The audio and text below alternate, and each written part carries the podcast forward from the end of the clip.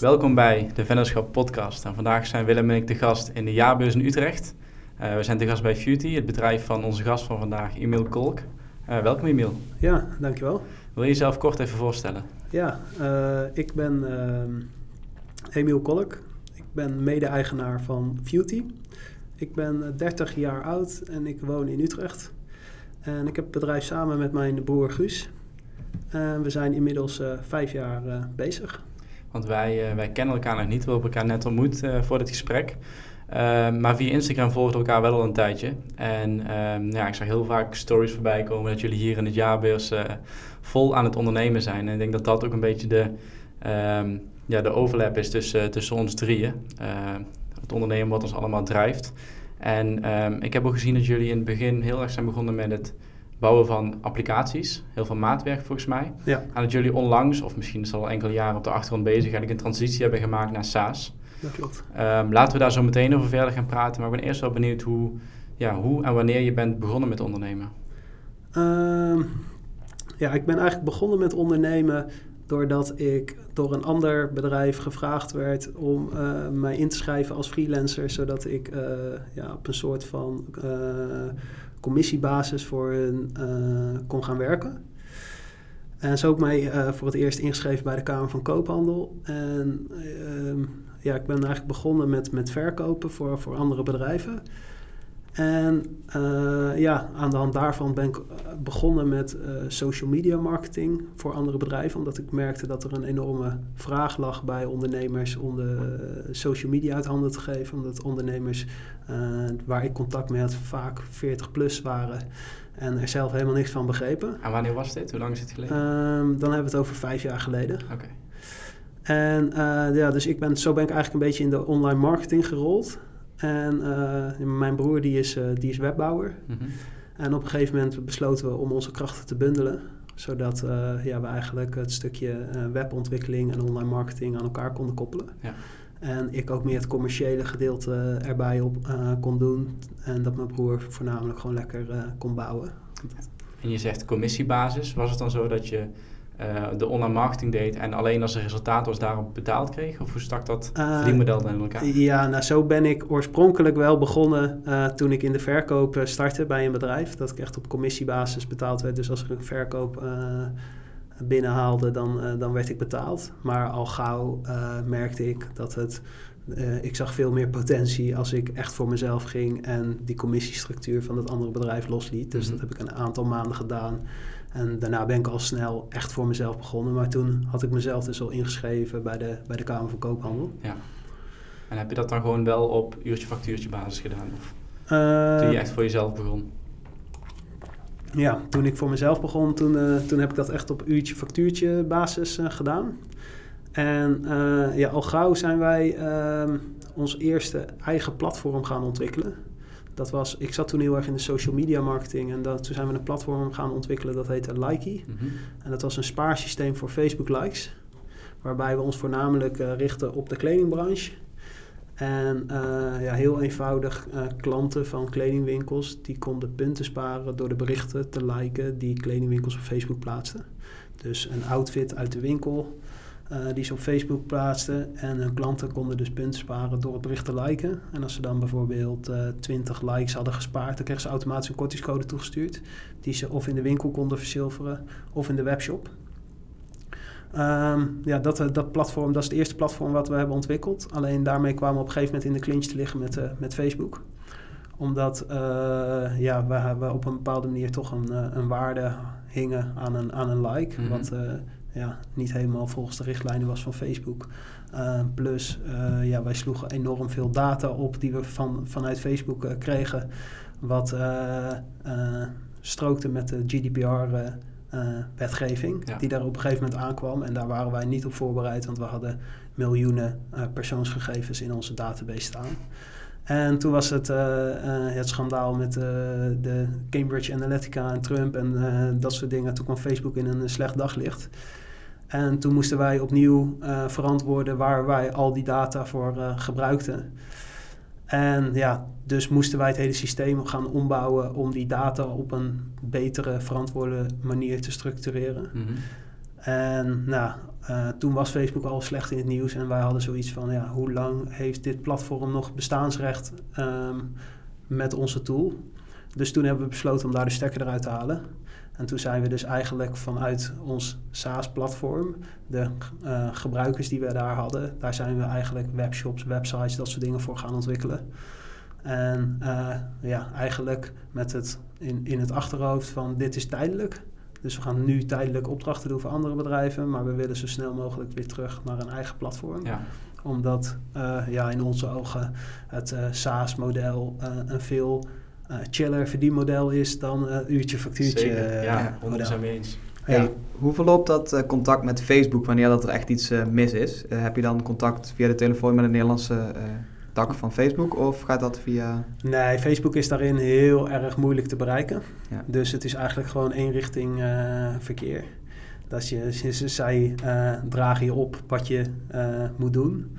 En ehm, ja, je krijgt gewoon te horen, je moet opnieuw toegang gaan vragen om gebruik te maken van deze data, deze data en deze data. En je moet kunnen verantwoorden waarom je deze data uh, wilt gebruiken. En je moet echt een, uh, een video maken van je systeem, hoe je die data opslaat en waarom je die data nodig hebt. Dus ehm, er is weinig uh, dat je gewoon met een medewerker van Facebook in, uh, in gesprek kan om te kijken van hoe kunnen we het uh, op zo goed mogelijke manier regelen. Ja. Hoe groot was het platform destijds? Want waren er dan geen mogelijkheden om bijvoorbeeld een gedeelte ervan te verkopen? Of? Um, ja, nou ik denk wij waren business-wise op dat moment nog niet, niet ver genoeg. Mm -hmm. En ja, het is eh, op, op het moment dat we voor het eerst die melding kregen van Facebook, um, toen hebben we besloten om te stoppen met doorontwikkelen. En toen heeft het platform uiteindelijk nog 14 maanden geautomatiseerd doorgedraaid, de abonnementen doorgelopen. Maar we deden eigenlijk niks meer aan nieuwe verkoop en dat soort dingen. Dus langzamerhand uh, ja, werden er steeds meer abonnementen opgezegd. Totdat op een gegeven moment Facebook echt zei van... oké, jullie hebben niet aan de eisen voldaan die we gesteld hebben aan jullie. Dus uh, nu gaat definitief de stekker eruit. En toen uh, moesten de laatste bedrijven, die, die hebben we noodgedwongen, dus de, stekker eruit moeten trekken. En hoe kwam je aan die klanten destijds? Was het allemaal al via online kanalen of was het ook echt ja, koude acquisitie? Uh, ja, toen zijn we, in die tijd zijn we heel erg begonnen met koude acquisitie. Toen had ik nog niet de kennis die ik nu had. Dus ik ben toen, ja, we richten ons ook voornamelijk op de retail. En die is ook wat moeilijker online te bereiken, denk ik. Dus we zijn toen heel erg begonnen met heel veel handmatige sales. En nou, bij dat product, uh, ja, daar hebben we ook wel van geleerd dat we, de onboarding was te lastig. Dus um, ja, mensen konden een account aanmaken, maar er moest een bericht op Facebook geplaatst worden. Ze moesten een beloning bedenken. En nou, het waren eigenlijk best wel veel handelingen voordat iemand kon starten. Voor de winkels? Ja. En ja, we merkten dat daardoor er moest altijd wel een menselijke handeling aan te pas komen voordat iemand echt uh, goed begonnen was. Mhm. En ja, daarin merkten we ook wel dat het belangrijk was dat iemand heel fanatiek startte, omdat hij moest spaarders gaan genereren. En alleen dan kon het een succes worden. Want op het moment dat je veel spaarders hebt, krijg je veel likes. Terwijl ja, dus sommige bedrijven die dachten, uh, die spaarders komen vanzelf. Maar als je mensen niet gaat activeren en stimuleren om bij jou te komen sparen, dan, uh, ja, dan werkte de tool niet. Mm dus ja, daarin merken we ook, uh, hebben we ook wel gemerkt dat de onboarding was daarvoor, ja, was eigenlijk gewoon te slecht. En dat, ja, dat, heeft, dat stagneerde bij ons de groei wel enorm. Kregen jullie, verdienden jullie op basis van een, een, maandelijkse fee of was het op basis van ja, hoe actief die gebruikers uiteindelijk het platform gebruikten? Nee, we vroegen echt een, ja, een maandbedrag van 30 euro per maand om gebruik te maken van ons platform. Ja. Cool. En dat was al uh, samen met je broer, want je bent toen samen met uh, Guus volgens mij, ja, je broer bij het bedrijf gestart. Ja, dat klopt. En dat was ook al ten tijde van Likey? Ja, ja. Oké. En uh, Likey is dus uiteindelijk omgegaan, of ja, soort van overgezet in, uh, in Futy denk ik dan? Ja, Futy was daarvoor al mijn, mijn eenmanszaak. En uh, toen zijn we Likey daarnaast op gaan zetten. En toen uh, ja, zijn we op een gegeven moment met Likey gestopt. En toen zijn we weer verder gegaan met Futy. En toen, toen uh, is mijn broer bij Futy daarin gekomen, zeg maar. Wat deden jullie om bij Likey zeg maar, op korte termijn omzet te genereren? Want ik kan me voorstellen dat als je een SaaS-model bouwt, dat dat heel veel tijd kost en op korte termijn heel weinig oplevert. hoe overbrug je die tijd? Ja, nou dat is een goede vraag. Eh, dat heeft bij ons best wel lang geduurd voordat we ja, er echt wat aan gingen verdienen. Alleen, ehm, ja, we waren nog jong, uh, weinig vaste lasten. Uh, mijn broer studeerde nog. dus ja, we zijn het eigenlijk ook gewoon een beetje hobbymatig zijn we de, daarmee begonnen. En, ehm, maar het heeft, we hebben wel een lange adem nodig gehad om, ja, om daar gewoon serieus allebei wat aan over te houden. Ja. Ja. Hoe lastig is het dan om je echt te committeren aan aan dat platform. Want ik kan me voorstellen dat het heel onzeker is in die tijd van, hey, gaat het überhaupt renderen? Je stopt er, uh, denk ik, je ziel zaligheid in en uh, heel veel ontwikkeldheid. Um, is het niet, of was het geloof dan zo groot dat je dacht van, oké, dit, dit, gaat op een gegeven moment geld opleveren? Um, of had je wel echt die onzekerheid van, ja, je weet het eigenlijk maar nooit? Ja, nou, ik denk uh, het is veel makkelijker om een uurtje factuurtje business op te starten. Want ja, jouw uren in de week, die heb je nu. En op het moment dat iemand bereid is om geld te geven voor jouw uren, kan je starten, zeg maar. Dan, heb je een, dan ben je product market fit, om het zo maar te zeggen. En uh, nou, dat is met een SaaS-model heel erg, uh, dat is heel anders. Um, dus ja, ik denk de eerste keer hebben we daarin ook, uh, we hebben ons daar ook wel op verkeken. En uh, ja, hebben een, uh, een, lange weg nodig gehad om daar te komen. En ja, we hebben daarin wel de nodige fouten gemaakt ook. Maar um, ja, ik denk dat we daardoor ook de tweede keer dat we het opnieuw zijn gestart, ja, het veel beter hebben nu kunnen neerzetten. En dat is waar jullie nu mee bezig zijn? Ja, dat klopt. Laten we daar zo meteen over in hebben. Ik ben heel benieuwd hoe je dan vanuit Likey nou, de stap naar Future die was duidelijk, want het bedrijf bestond al. Maar hoe heb je eigenlijk je uh, businessmodel veranderd van een SaaS-model naar een, ja, een uurtje factuurtje business? Um, nou, we kregen tijdens onze uh, Likey-periode wel al van, van heel veel klanten de vraag van... Joh, zouden jullie ook een webshop voor ons kunnen bouwen of een website? Um, omdat ze zagen van, hé, hey, dit zijn jonge gasten uh, met hele moderne ideeën. Uh, die kunnen ons verder helpen, want wij willen wel iets uh, meer bestemd zijn voor de toekomst, maar we weten niet hoe. Dus we kregen heel veel aanvragen en we haalden daar af en toe ook wel wat inkomsten uit dat we iets voor iemand gingen, gingen doen. Maar we, we hielden het eigenlijk altijd af, omdat we dachten we moeten de focus houden op, op Likey. Um, en toen we met Likey stopten, toen zijn we echt iedereen uit ons klantenbestand actief gaan benaderen. Van hey, uh, ja, kunnen we wat voor je betekenen? En dat was voor ons wel een makkelijke opstap om uh, ja, snel uh, de eerste opdrachten binnen te halen, om het zo maar te zeggen. Wat zijn zaken waar je toen tegenaan liep? Uh, hoe bedoel je dat? Nou ja, bijvoorbeeld als ik, als, als ik me uh, ga indenken van ik ga een bedrijf starten, uurtje factuurtje. In het begin lijkt het heel makkelijk, van ik ga mijn uren simpelweg inruilen voor geld. Maar er komen allemaal dingen bij kijken zoals sales, projectmanagement, support. Alle randzaken waarvan je eigenlijk op het begin niet echt weet dat je ze ook moet gaan doen. Je moet eigenlijk als ondernemer moet je al die dingen kunnen. Um, heb je voorbeelden van waar je toen eigenlijk tegenaan liep in die beginfase? Um, nou, ik denk wat voor bij mij en mijn broer aan de ene kant ons voordeel was, maar aan de andere kant ook onze valkuil, is we hebben met z'n tweeën een heel groot set aan kwaliteiten. En ja, eigenlijk kwam een bedrijf voornamelijk bij ons, benaderde ons van hey, we hebben een probleem of we hebben een vraagstuk, kunnen jullie dit oplossen? En uh, ja, wij uh, vonden altijd wel een manier om het op te lossen, ja. waardoor we weinig echt uh, veel actieve sales gedaan hebben, maar meer uh, dat bedrijven ons benaderden en dat we het uh, gingen uitvoeren. Uh, ja, het voordeel daarvan is dat je dus weinig tijd aan sales hoeft te besteden. Maar het nadeel daarvan is dat we heel veel verschillende opdrachten hebben gedaan in heel veel verschillende technieken. En nou, dat zorgt er wel voor dat je de processen niet echt goed kan stroomlijnen.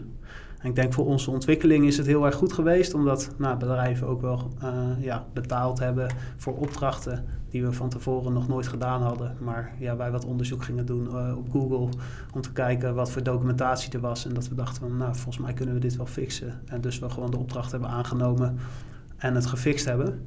Um, waardoor je eigenlijk, ja, bedrijven hebben ons heel veel leergeld betaald om ons in een nieuwe techniek te verdiepen. Ja.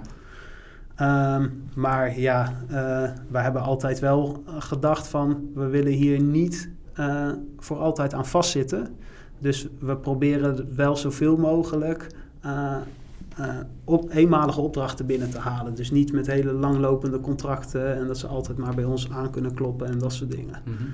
Wat was de reden dat bedrijven dan toch voor jullie kozen? Ehm, ondanks dat jullie, wat je zegt, heel veel leren moeten betalen en nog niet meteen konden bewijzen van hé, dit kunnen we al, dit hebben we al gedaan? Nou, ik denk dat uh, wij er goed in zijn om ehm, professioneel naar buiten te treden. Dus met onze eigen websites. Ehm, ja, en, uh, en ik denk ook altijd behulpzaam zijn geweest naar de opdrachten die we gedaan hebben. Dus heel veel mond-tot-mond reclame van uh, ja, de ene die had wat nodig en nou, de ander die kende ons van ja, je moet die gasten hebben, want die uh, zijn goed. Um, dus ik denk zoveel hebben we binnengehaald. En ik denk, ja, we zijn ook gewoon in een hele goede tijd gestart, omdat er veel meer vraag was dan dat er aanbod is. Um, je, je merkt nu wel dat er steeds meer webbureaus en alles uh, naar boven komen. Maar uh, ja, ik denk dat dat is wel echt een trend van de laatste tijd. En, uh, maar alsnog, uh, er zijn zoveel partijen in Nederland die een website nodig hebben of die een nieuwe website nodig hebben. Dat ehm, ja, het, wij hebben in ieder geval altijd genoeg werk gehad. Mm -hmm. En het was toen websites en webshops, zeg je. Uh, ik ken jullie eigenlijk sinds dat jullie echt maatwerk applicaties aan het bouwen waren. Is dat daarna pas gekomen of deden jullie dat meteen al? Um, nou ja, we zijn begonnen met uh, websites en webshops. Alleen gaandeweg kwamen er steeds grotere vraagstukken van bedrijven voor, uh, ja, voor complexere systemen. Dus echt software-applicaties. Kun je daar eens een voorbeeld van noemen? nou, een voorbeeld is bijvoorbeeld een, een voorraadbeheersysteem voor een bedrijf. Um, die ja, op verschillende locaties een voorraad uh, wil kunnen managen van medewerkers die kunnen inloggen. En als er iets gepakt wordt, ja, iets van de voorraad af kunnen tikken. Nou, dat is een, een voorbeeld. Of een, een systeem wat we ontwikkeld hebben voor een Arbo-dienst. Waarbij medewerkers en werk, werkgever en werknemer een uh, verzuim kunnen managen. Dus als iemand ziek is, dat hij het via dat systeem kan aangeven. En dat het vervolgens gelijk doorgeschoten wordt naar een, naar een Arbo-dienst, die daarin ook kan communiceren met Arbo-artsen en die afspraken kunnen maken met werknemers en dat soort, dat soort systemen. Dus dan hebben we het wel echt over ja, een stuk grotere systemen. Dan ben ik heel benieuwd naar, uh, naar twee dingen daarin. Want als ik bijvoorbeeld, stel we krijgen nu een webshop aanvraag, dan is dat vaak, is die basis is grotendeels hetzelfde. Dus je maakt gebruik van dezelfde systemen, dezelfde modules. En heel veel is daar gewoon echt plug-and-play. Um, af en toe komt er wat maatwerk bij kijken en dan ga je eigenlijk qua kosten, qua offerteberekening, zeg maar, ga je kijken, oké, dat maatwerk, hoeveel gaat dat ongeveer kosten? Dat is nog redelijk te overzien. Bij zo'n uh, echte maatwerk software systemen is het eigenlijk, het hele plaatje is maatwerk. En je gaf net al aan van, uh, we hebben nieuwe technieken die we nog moeten leren, we moeten de documentatie überhaupt nog opzoeken. Ben ik heel benieuwd hoe je dan um, een, prijsinschatting of gewoon al een concrete offerte afgaf, terwijl je eigenlijk nog niet eens wist of jullie het wel konden. Ja, dat is een, dat is een goede vraag. Um, nou, ik, dat is denk ik ook een beetje gokken. Dus de, ja, dat je gewoon een inschatting gaat maken dat je denkt, nou, als het allemaal meevalt, dan uh, ja, pakken we de winst op. Als het tegenvalt, ja, dan moeten we er meer tijd in steken dan uh, het oplevert. Maar ja, dan is het leergeld. Dus dan ja. hebben we er extra tijd in gestopt, maar dan kunnen we wel echt iets nieuws. En zo hebben we er altijd naar gekeken. En nou, ja, mijn broer, uh, die is echt de, de technische guy, dus die, die bouwt alles. En nou, ik vind het wonderbaarlijk om te zien hoe goed hij zich in nieuwe technieken kan verdiepen en hoe makkelijk hij uh, dat oppakt. En hij is er ook echt heel erg goed in om zijn tijd goed in te schatten. Mm -hmm. Dus hij trackt elke minuut die hij werkt. En hij, daardoor ziet hij altijd hoe lang hij met iets bezig is. En ja, hij gaat dan gewoon kijken naar een nieuw systeem. En dan gaat hij kijken van oké, okay, wat denkt hij dat er allemaal bij komt kijken? En dan maakt hij gewoon een inschatting. En dan gooi je er ja, een, iets, een marge bovenop van... ja, er is altijd wat uh, voor wat uh, tegenslagen waar je uren voor moet calculeren. En ja, dan leg je een, prijs voor bij een bedrijf. En dan hoop je dat het meevalt. Ja. Over die rolverdeling met je broer wil ik zo meteen even over hebben. Maar mijn tweede vraag was dan hoe zorg je ervoor dat die scope niet uit gaat lopen? Dus scope is eigenlijk gewoon wat je in zo'n project wel en niet doet. En dat is vooral wat je niet doet, want dat is vaak wat, wat grijs gebied is. Hoe heb je dat vanaf het begin dan geregeld? Uh, ja, nou de, dat is niet bij elk project even goed gegaan. Ik denk dat moet je ook leren als bedrijf om beter de kaders te bepalen en vooraf, voor, vooral vooraf te communiceren. Ehm, Maar ja, ik denk dat dat uh, altijd een uitdaging is om te, om, te zorgen dat je uh, ja, ergens een streep trekt van dit gaan we wel doen en, en dit niet. En um, ja, daar hebben we door de jaren heen wel, uh, daar zijn we beter mee om leren gaan. Maar ik denk vooral, ja, we zijn echt met requirements en user stories uitschrijven. Zodat je echt gaat kijken, oké, wat moet het systeem doen? En dat je dat ook in het, in het voorstel meeneemt. En als dat het doet, ja, dan doet het het. En als mensen, als iemand dus een andere wens heeft, ja, dan wordt het meer werk, want dat stond niet in de requirements. Ja. Dus dat is eigenlijk dat proces van die requirements opstellen, user stories opstellen, dat is ook iets wat je gaandeweg eigenlijk hebt geleerd. Ja. Totdat je erachter kan van, hé, hey, we hebben nu iets gebouwd. De klant verwacht of, of heeft gaandeweg bedacht van, hé, hey, dit, dit wil ik er ook nog bij. Ja. Waardoor je uiteindelijk niet gewoon op dezelfde lijn uh, ja. uitkomt. Ja, dat klopt. Oké. En wel grappig over die rolverdeling, want um, jij benoemt twee, twee, meteen twee eigenschappen van je broer, die ik dan bijvoorbeeld heel erg herken in Jano. Dan zal jij waarschijnlijk de andere kant zijn uh, van jouw broer, die waarschijnlijk een beetje de vrije rol eromheen uh, invult. Ja. En die zich waarschijnlijk veel meer bezighoudt met of, of ja, projectmanagement, maar ook inderdaad klantrelaties. En um, ja. um, hoe, hoe hebben jullie die verdeling afgesproken of is dat gewoon zo gelopen? Nee, dat is gewoon heel natuurlijk gelopen. Ja, uh, ja wij kennen elkaar al vanaf jongs af aan. Ja. En uh, ja, op de een of andere manier sluiten onze kwaliteiten gewoon heel erg goed bij elkaar aan. Ik ben de, de, de initiatiefnemer, uh, echt de ondernemer. Ik vind het leuk om met mensen te babbelen, met iedereen een praatje te maken, nieuwe mensen te leren kennen. Um, echt het commerciële gedeelte. En mijn broer die vindt het gewoon, uh, die, die heeft de leukste werkdag als hij de hele dag lekker code kan rammen.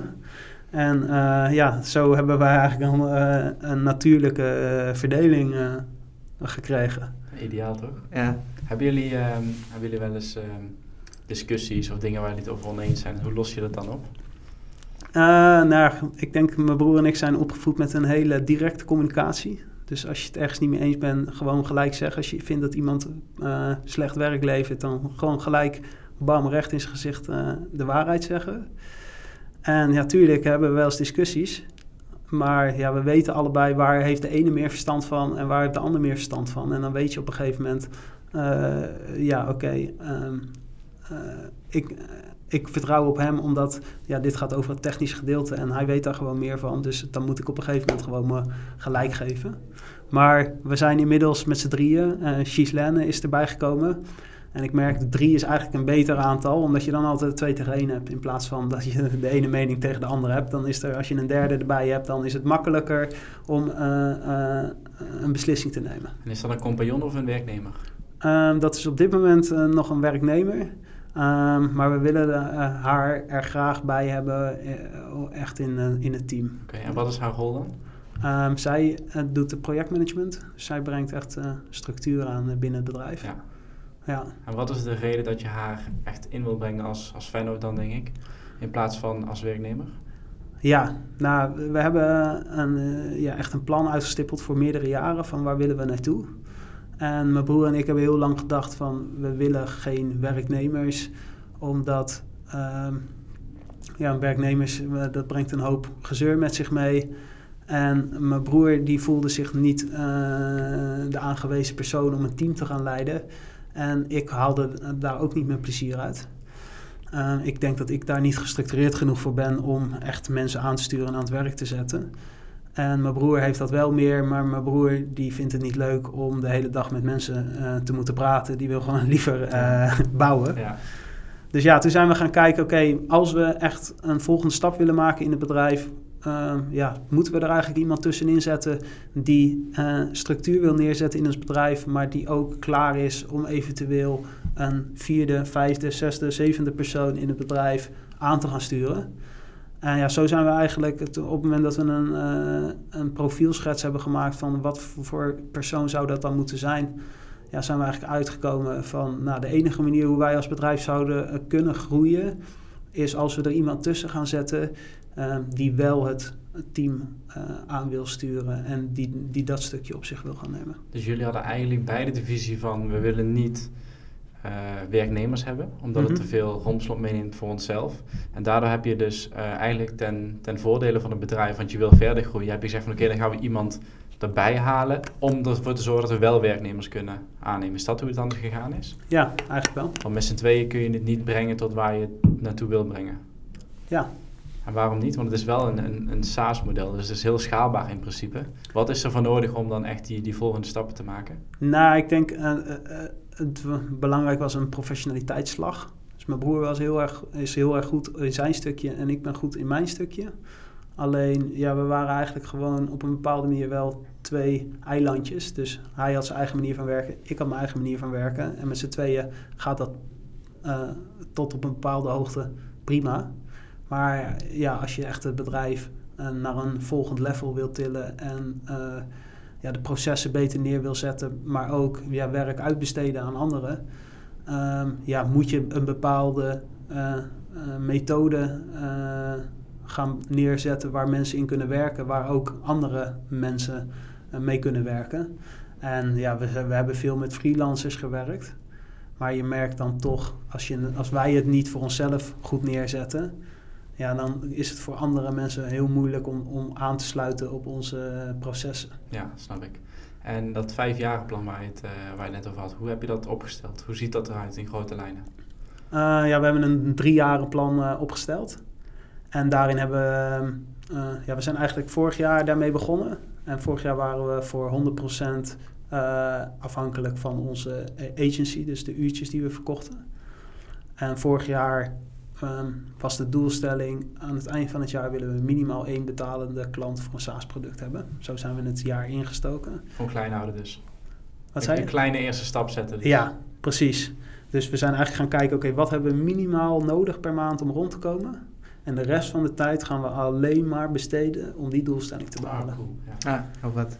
Ja, en ja, zo hebben we gekeken van, uh, nou dat was eigenlijk eerst de doelstelling. En toen we die doelstelling bereikt hebben, toen hebben we eigenlijk gekeken, oké, laten we een driejarenplan opstellen. En toen zijn we gewoon gaan kijken, oké, wat zouden we over drie jaar willen bereiken? En hoe kunnen we daar naartoe werken? En nou ja, toen dachten we van, als je echt een goed SaaS-product uh, neer wil zetten, ja, dan heb je toch eigenlijk wel een team nodig waar uh, disciplines in zitten die echt gespecialiseerd zijn op één ding.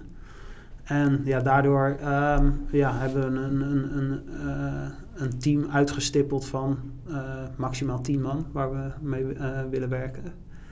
En dat is over drie jaar waar we willen zijn. En toen zijn we een beetje terug gaan redeneren van oké, okay, wat wordt dan de eerste stap om daar te komen? En nou, dat was dus bijvoorbeeld iemand ertussenin zetten die de groei mede mogelijk kan maken.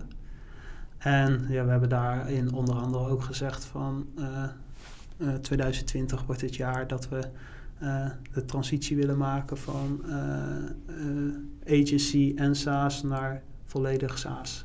Mooi dat het zo doordacht is, want ehm, als je een SaaS-business van de buitenkant bekijkt, en ik werk met, of ik, ik zie er ontzettend veel voorbij komen de hele dag, en ik werk met een aantal tools die ja, wat SaaS-producten zijn het ziet er allemaal gewoon heel makkelijk uit. Van, ja, iemand heeft ooit een idee gehad, die heeft daar een stukje code voor geschreven en die heeft het in de markt gezet.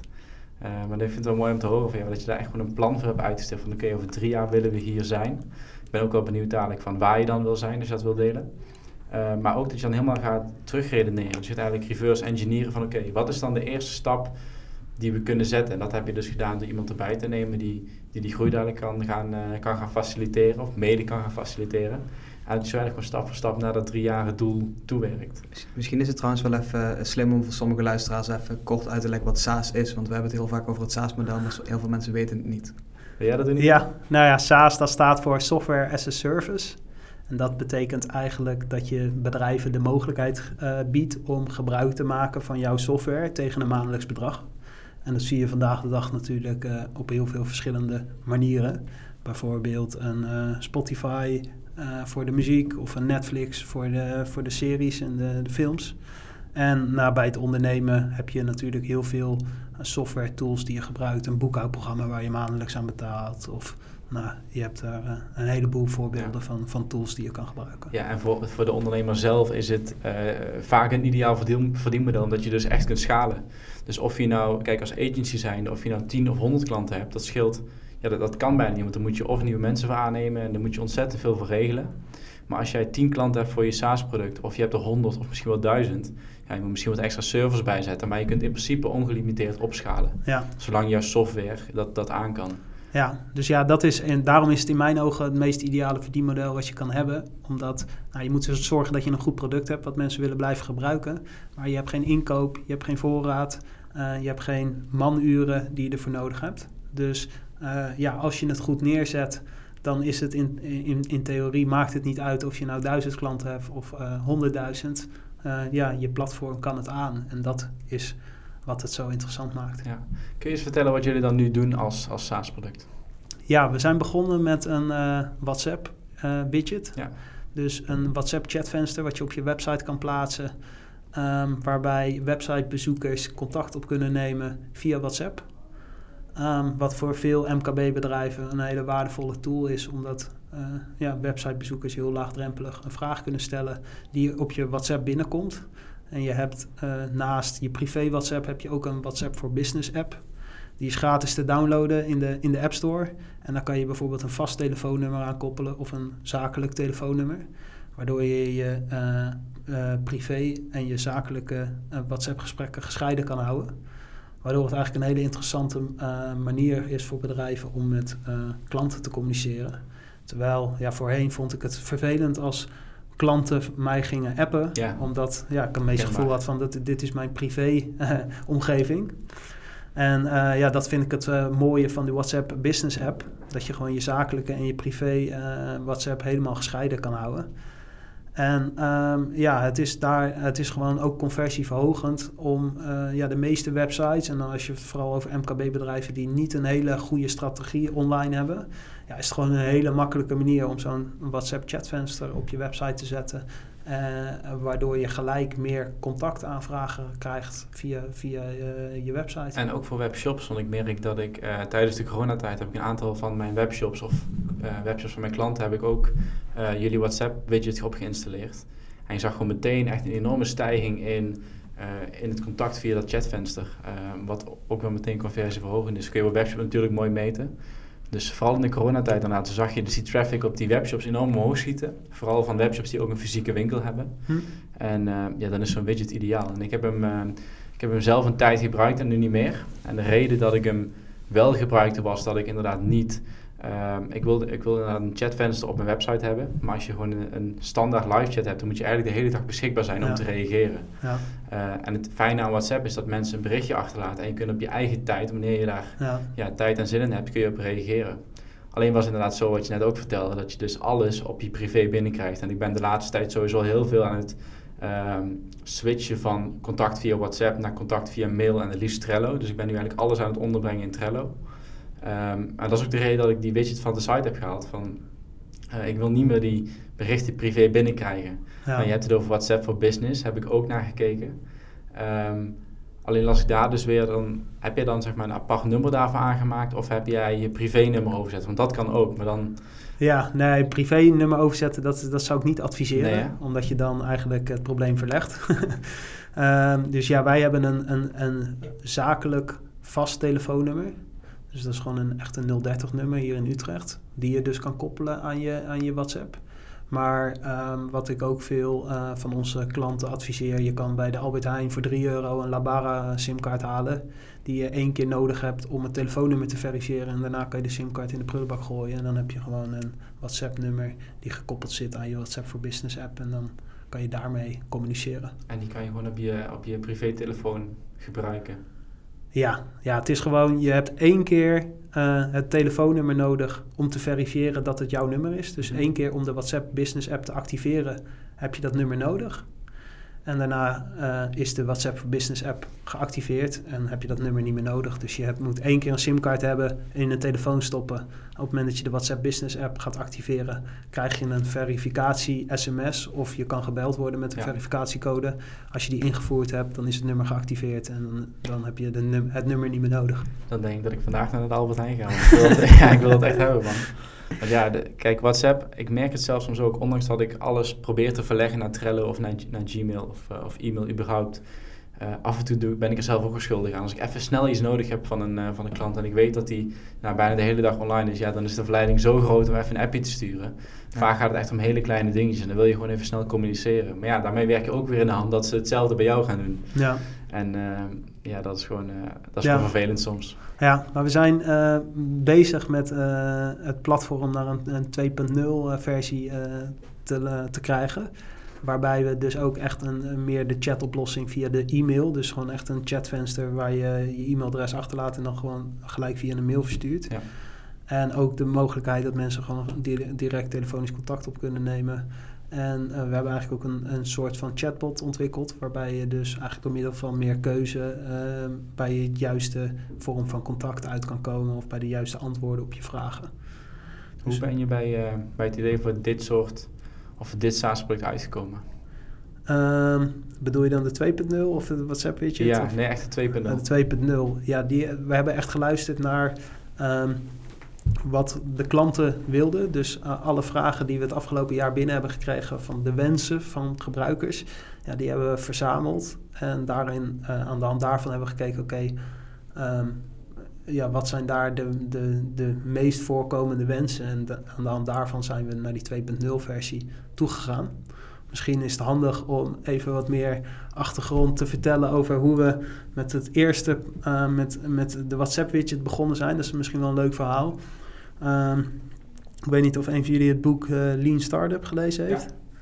Nou, de Lean Startup, de, dat gaat echt op een, uh, dat je zo snel mogelijk moet valideren of hetgene wat jij in je hoofd hebt, dat je wil gaan verkopen of gaan bouwen, of, of daar vraag naar is. En we zijn ooit begonnen door nou, het WhatsApp chatvenster eerst op onze eigen website te zetten. Dus we hadden alleen het chatvenstertje ontwikkeld. En nou, daarmee zijn we eigenlijk naar buiten getreden van... hey, moet je bij ons op de website kijken... zijn er meer bedrijven die interesse hebben om dit te hebben? Nou, daar werd heel enthousiast op gereageerd. Dus we hadden al binnen no time hadden we 50 bedrijven die zeiden... Uh, ja, super tof, ik heb er wel interesse in. Ja. Uh, toen zijn we dus een dashboard gaan bouwen van waar bedrijven zelf hun telefoonnummer aan konden koppelen, hun naam in konden geven en dat soort dingen. Uh, toen zijn die bedrijven het vervolgens gaan gebruiken op hun website. En nou, daardoor zagen dus meerdere bedrijven het en kregen we meer aanmeldingen. En eigenlijk bleven die aanmeldingen steeds meer doorlopen. En ja, natuurlijk, we plaatsen er ook berichten op op LinkedIn over en noem maar op. Maar de aan, aan, aanmeldingen bleven eigenlijk continu doorlopen. En toen dachten we van, nou laten we eens gaan testen om te kijken of mensen er ook echt serieus bereid zijn om er geld voor te betalen. Dus toen ben ik gewoon eigenlijk een ja, geautomatiseerde e-mailcampagne op gaan zetten, waarbij op het moment dat er iemand, een nieuw iemand een account aanmaakte, dat ik gewoon zei, wel, uh, ja bedankt uh, voor het aanmaken van een accountje, zit op dit moment in een 14 dagen trial. Uh, en met een betaallinkje erin van, nou, je, hier kan je je premium abonnement afsluiten. Terwijl aan de achterkant het systeem was nog helemaal niet klaar om onderscheid te maken tussen een gratis of een betaalde versie. Totdat we op een gegeven moment iemand hadden die dacht, nou, ik vind het een goed product. Ik ben bereid om uh, voor, de, voor, de, premium te betalen. En die sloot dus een abonnement af via een betaallinkje. En dat maar was die, van 9 euro per maand, toch? Ja. En, maar ja, die was dus bereid om ervoor te betalen. Maar die kreeg eigenlijk gewoon nog steeds dezelfde oplossing als de rest die het gratis had. maar ja, dat was voor ons wel een validatie van... hé, hey, er zijn dus echt serieus bedrijven die uh, hier geld voor over hebben. En nou, langzamerhand kwamen er steeds meer mensen die een abonnement afsloten. Ja, en dat was voor ons het volgende validatiemoment van... oké, nou is het... Uh, ja, dit is wel echt uh, bewijs dat het de moeite waard is om ver verschillende accountrollen in te gaan bouwen. Zodat je een, onderscheid kan maken tussen iemand die betaalt en iemand die de gratis versie gebruikt. En toen zijn we dus ook echt de betaalintegratie uh, daarin gaan, uh, gaan ontwikkelen. En zo zijn we eigenlijk, we zijn echt pas gaan bouwen nadat we de validatie hadden dat mensen erop zaten te wachten. Ja. En dat is echt het verschil als je kijkt naar hoe we met Likey zijn begonnen. Toen hebben we heel veel gebouwd en ook laten bouwen waar nooit één iemand gebruik van gemaakt heeft. Ik denk dat dat um, de grote valkuil is van software ontwikkelen. Ja. Dat je te veel uh, in de voorbereidingmodus gaat zitten en gaat invullen waar mensen op zitten te wachten. En dat je dus dingen ontwikkelt waar eigenlijk nooit iemand op zit te wachten en dat nooit iemand gaat gebruiken. En nou, dat zijn we dus nu ook met het nieuwe platform aan het doen. Um, ja, we zijn nu mensen al vervroegd toegang aan het geven, waarbij ja, het dashboard er aan de achterkant totaal nog niet mooi uitziet. Maar gewoon puur praktisch om de eerste bedrijven het minimale te kunnen laten invoeren, zodat er een werkbaar product op hun website staat. Om te kijken, nou, hoe reageren hun websitebezoekers erop? Hebben ze hier interesse in? En hoe reageert het bedrijf erop? Wat zijn zijn wensen? Welke knoppen wil hij erbij? Of wat wil hij allemaal aan kunnen passen? En op het moment dat we daar dan zien van, hey, dit is een goede vorm, dit is een goed product, die wordt veel gebruikt en bedrijven zijn er blij mee, dat we dan pas echt tijd gaan besteden om een super fancy dashboard te bouwen en dat het er echt professioneel uitziet. Ja. En zijn jullie niet bang dat je ehm, te afhankelijk bent of blijft van WhatsApp? Of is dat ook de reden dat jullie die uh, switch hebben gemaakt, dat je dus dadelijk ook die mail en eigenlijk allemaal andere...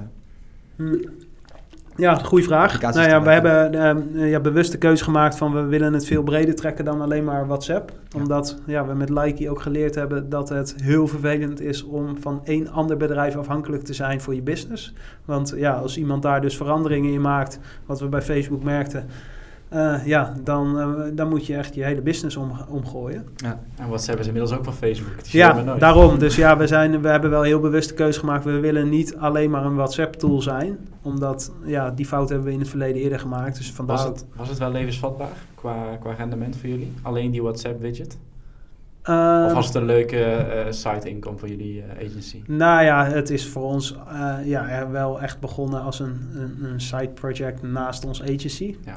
Ehm, maar ja, kijk, het is qua techniek ehm, niet heel ehm, complex. Dus ja, we zien ook wel dat er partijen zijn die ons hele tool nagebouwd hebben. Die uh, 75% van onze website, uh, website teksten overgenomen hebben en die eigenlijk onze hele business gekopieerd hebben.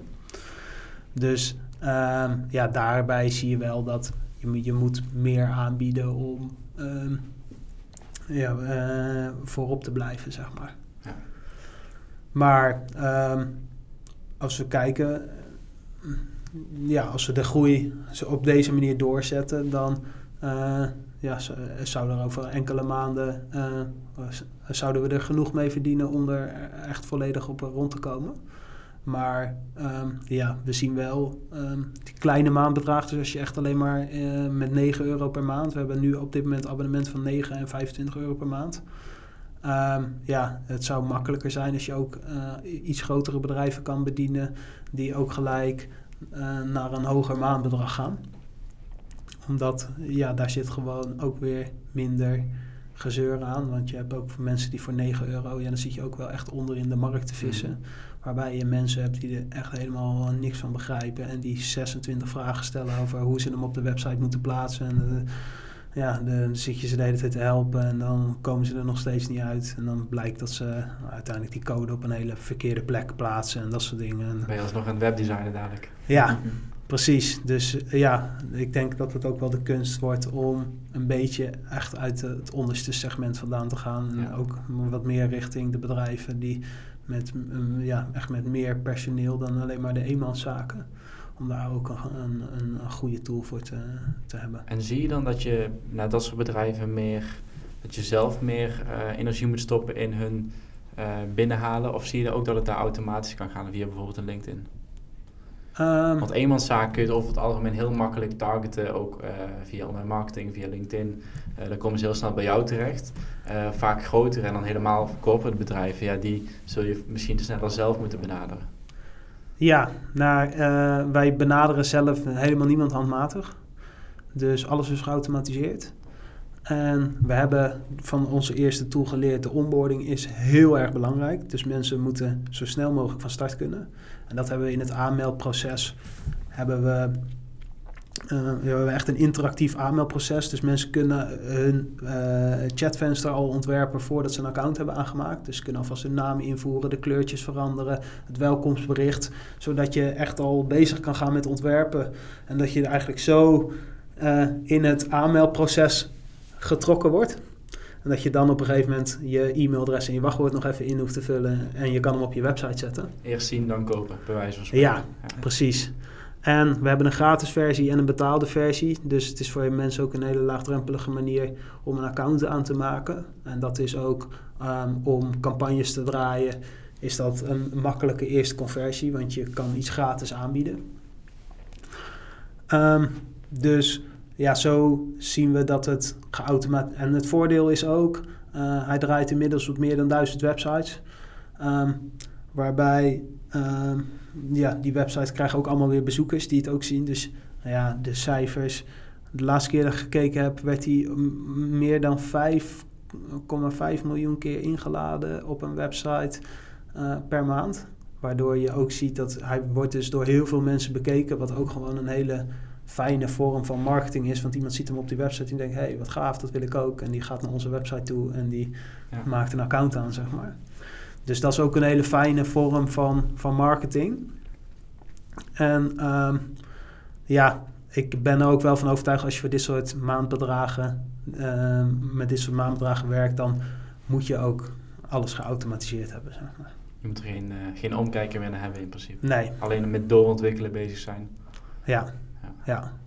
ja, voornamelijk wel, ja. Hey, en eh, wanneer is voor jullie het omslagpunt geweest of moet er nog komen dat je die agency volledig kunt loslaten? Ehm, nou, we zijn nu wel echt serieuze stappen aan het maken om eh, de agency helemaal gedag te zeggen. Ehm, we hebben nu uitgesproken dat we vanaf 1 september helemaal over willen op eh SaaS. Maar dat is wel ambitieus, dus we moeten wel echt zorgen nu dat we flink stappen gaan maken om Mhm. dat echt eh, te kunnen bewerkstelligen. En hoe, hoe ziet dat proces eruit? Want we hebben het net gehad over hoe je de switch maakt van SaaS naar agency. En nu gaat het andersom. Dus je hebt bestaande klanten. Je hebt voor hun eh, websites, webshops gebouwd, maar ook maatwerksystemen. Dus op jullie eigen manier. Mhm. Hoe zorg je ervoor dat die continuïteit van die systemen voor die klanten gewaarborgd blijft? Ook als ze niet meer van jullie diensten gebruik kunnen maken. Ja, nou kijk, daar zijn we dus nu mee bezig om echt een communicatiestrategie op te zetten. Om te zeggen van, joh, tot dat moment eh, kunnen we nog iets voor jullie betekenen. Daarna ehm, gaan wij onze handen ervan aftrekken. Ehm, ik, ja, we geven jullie de ruimte om op zoek te gaan naar een andere partij. Of we kunnen een partij voor jullie aandragen. En tot die tijd zijn wij nog eh, beschikbaar om eh, te ondersteunen bij de overdracht. Mhm. En vanaf dat moment eh, ja, halen wij eh, onze handen ervan af en eh, ligt de bal bij een andere partij. Ja, dat is een soort van transitieperiode die je, die je klanten Ja. geeft.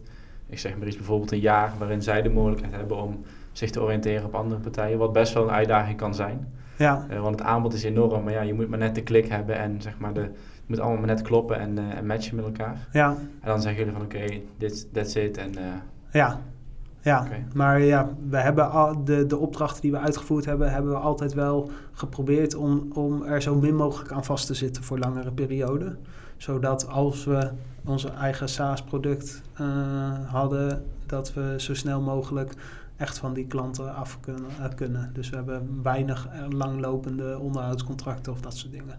En hebben jullie een bepaalde afspraken met, ehm, jullie doen heel veel dingen voor bestaan, bestaande klanten en op het moment dat je ze nou gedag zegt, hebben jullie een soort van andere partij die jullie een alternatief kunnen bieden, zeg maar? Ehm, ja, op bepaalde vlakken wel, maar ehm, ja, niet per se dat we één bedrijf hebben waarvan we zeggen: oké, die valt precies binnen eh, ons straatje, Mhm. hierbij eh, kunnen we het overdragen. Ja, want ik kan me voorstellen dat als je bijvoorbeeld drie jaar of vier jaar voor een klant werkt en je zegt op een gegeven moment we stoppen ermee omdat we hiermee eh, verder gaan, dan is het natuurlijk ook wel gewoon kloten voor, dat voor, de, voor de partij waar je zo lang voor werkt. Ja, nou ja, zeker. Dat is, een, ja, dat is lastig. Daar hikken we ook wel tegenaan. Omdat ja, partijen blijven de hele tijd terugkomen en ons benaderen van... joh, we willen nieuwe aanpassingen en dat soort dingen. En ja, dat wordt lastig. Maar ik denk, we moeten daar gewoon een goede strategie voor neerzetten. eh, eh, van tevoren communiceren van dan en dan is het zover... En dan trekken wij onze handen ervan af. Maar ik denk, we moeten uiteindelijk ook voor onszelf kiezen. En niet eh, voor, voor, die, voor die klanten. Want ja, wij willen hiermee verder. Dus ja, dan moet je af en toe ook gewoon vervelende mededelingen doen. ja. Sterk. Jullie zijn, ehm, ik weet niet precies waar, wanneer het was, maar jullie zijn een periode in Zuid-Afrika geweest volgens mij met het team. Dat klopt. Eh, toen heb ik jou, zag ik net nog in onze Instagram-machines terug, had ik jou een bericht gestuurd. Eh, omdat ik, als het goed is, als het mag, vertrek ik over een aantal weken naar Amerika voor, een, eh, een, eh, voor college soccer te spelen en daarnaast te studeren. En mijn bericht was ook van, hey, hoe hebben we ervoor gezorgd dat je ondanks een andere tijdzone, ondanks dat je totaal aan de andere kant van de wereld zit, eh, dat je gewoon alles nog kunt laten doorlopen en dat je niet ja, scheve communicatie krijgt of verkeerde verwachtingen. Eh, kun je daar eens wat over, eh, wat over loslaten, hoe je dat hebt aangepakt? Eh, ja, zeker. Ehm, ja, het is eh, je- klanten heel erg goed opleiden. En ehm, nou, Zuid-Afrika zit nog wel redelijk in dezelfde tijdzone. Dat is een uurtje tijdsverschil. Dus ja, dat is Dat het valt fijne aan, aan Zuid-Afrika. Ehm, maar we hebben daarvoor ook een lange tijd vanuit Bali gewerkt. En ik heb in Vietnam gezeten ook. En daar, ja, Azië, daar, ehm, daar zit je met, met andere tijden. Ehm, maar ja, dan is het gewoon heel duidelijk communiceren richting klanten van... eh, ja, ik ben het beste bereikbaar tussen dat en dat moment. Dus ja, echt proberen om, als je afspraken wil, dat, dat, dat je een, een call inplant... eh, ja, voor hun aan het begin van de dag. Want dat is dan voor mij aan het einde van de dag. Ehm, en ja, het is ook wel handig om in Nederland een aanspreekpunt aan te wijzen dat mocht er echt urgente dingen Ja. zijn, eh, ja, dat iemand anders ze te woord staat die kortere lijntjes heeft met, eh, of die het of zelf kan oplossen of die kortere lijntjes heeft met, met, met ons. Hadden jullie die beschikbaar? Ja, we hadden hier iemand die ja, voor ons het woord voerde. En is het nodig geweest of eh viel het Ehm, allemaal mee? Weinig. Ja, het is gewoon op het moment dat je duidelijk communiceert van tevoren richting klanten, dit en dit is het geval. Ehm, ja, dan is het meeste wel eh, eh, te overzien. Ja. Heb je nog andere ehm, uitdagingen gekend in die tijd dat je in het buitenland zat? En dan misschien met name ook in Bali en in Vietnam, dat je ook echt andere tijdzones hebt. Heb je andere uitdagingen gehad in, je, in het continueren van je werk? Ehm, nou, ik merk als je op afstand zit, het is moeilijker om nieuw werk binnen te halen. Maar wat ik wel gemerkt heb, het verhaal verkoopt. Dus eh, reizen en werken, dat vinden mensen gewoon heel interessant. Ja. Dus op het moment dat je daar eh, ja, mee naar buiten treedt en communiceert, eh, dat levert heel veel exposure op. Want mensen vinden dat gewoon heel erg cool om te horen. Dat je, je zit in, je- in je zwembroekje bij het zwembad. Maar Met je wel ook je, je laptopje op je schoot. Ja. Dat, is, eh, ja, dat is gewoon een hele goede marketingstrategie, zijn we achtergekomen.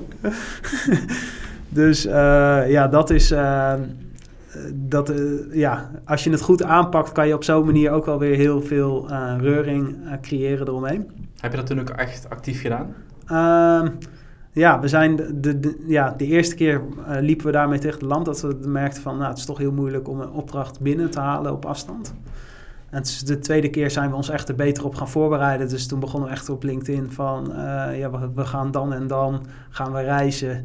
En eh, ja, toen zei, hadden we het echt van eh, we gaan tegen een gereduceerd tarief werken we op afstand, omdat daar de kosten veel lager liggen. Maar toen merkte ik, daar kwam zoveel reacties op.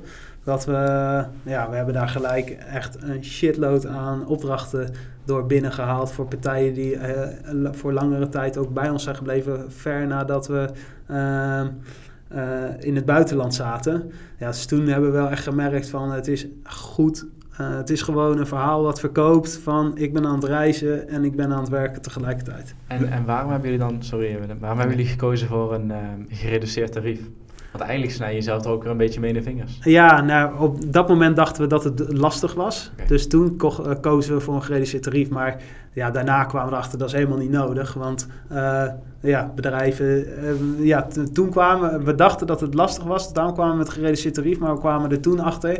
Het verkoopt gewoon, het verhaal verkoopt. Ja. Dus we hadden dat helemaal niet hoeven doen. Dus ja, maar daarin is het ook gereduceerd tarief. Ja, dat is ook interpretatie natuurlijk. Want eh, ja, als mensen je tarief niet kennen, dan, Precies. Ja. dan kan je hem reduceren naar eh, het bedrag wat jij gewoon kunt hebben. Ik was benieuwd hoe lang dat jullie weg waren geweest en of jullie ehm, eigenlijk aan het reizen waren en dan de landen achter elkaar hadden bezocht. Of teru- terug, terug naar huis eh, zijn gegaan. Ehm, ja, we zijn meerdere keren geweest. En ehm, ook in verschillende vormen. Mijn broer is echt, die heeft bijna een jaar in het eh, buitenland gezeten en dan op een vaste plek. Ik heb ook wel wat meer eh, van plek naar plek gereisd. Maar ik, en ook wel eh, een tijd lang bij mijn broer gezeten in, eh, in Bali. Ehm, maar ik merk, als je echt goed je werk wil leveren, dan is van plek naar plek naar plek reizen is eigenlijk niet te doen Mhm. omdat ja, elke, ja, als je ook elke keer je verblijf moet regelen, de buurt moet verkennen, een goede werkplek moet vinden en dat soort dingen. De wifi. Ja, goede wifi, dat is gewoon heel erg lastig. Dus eh, ja, als je dat wil doen, je kan beter gewoon echt een chille eh, bestemming vinden en daar voor langere tijd zitten.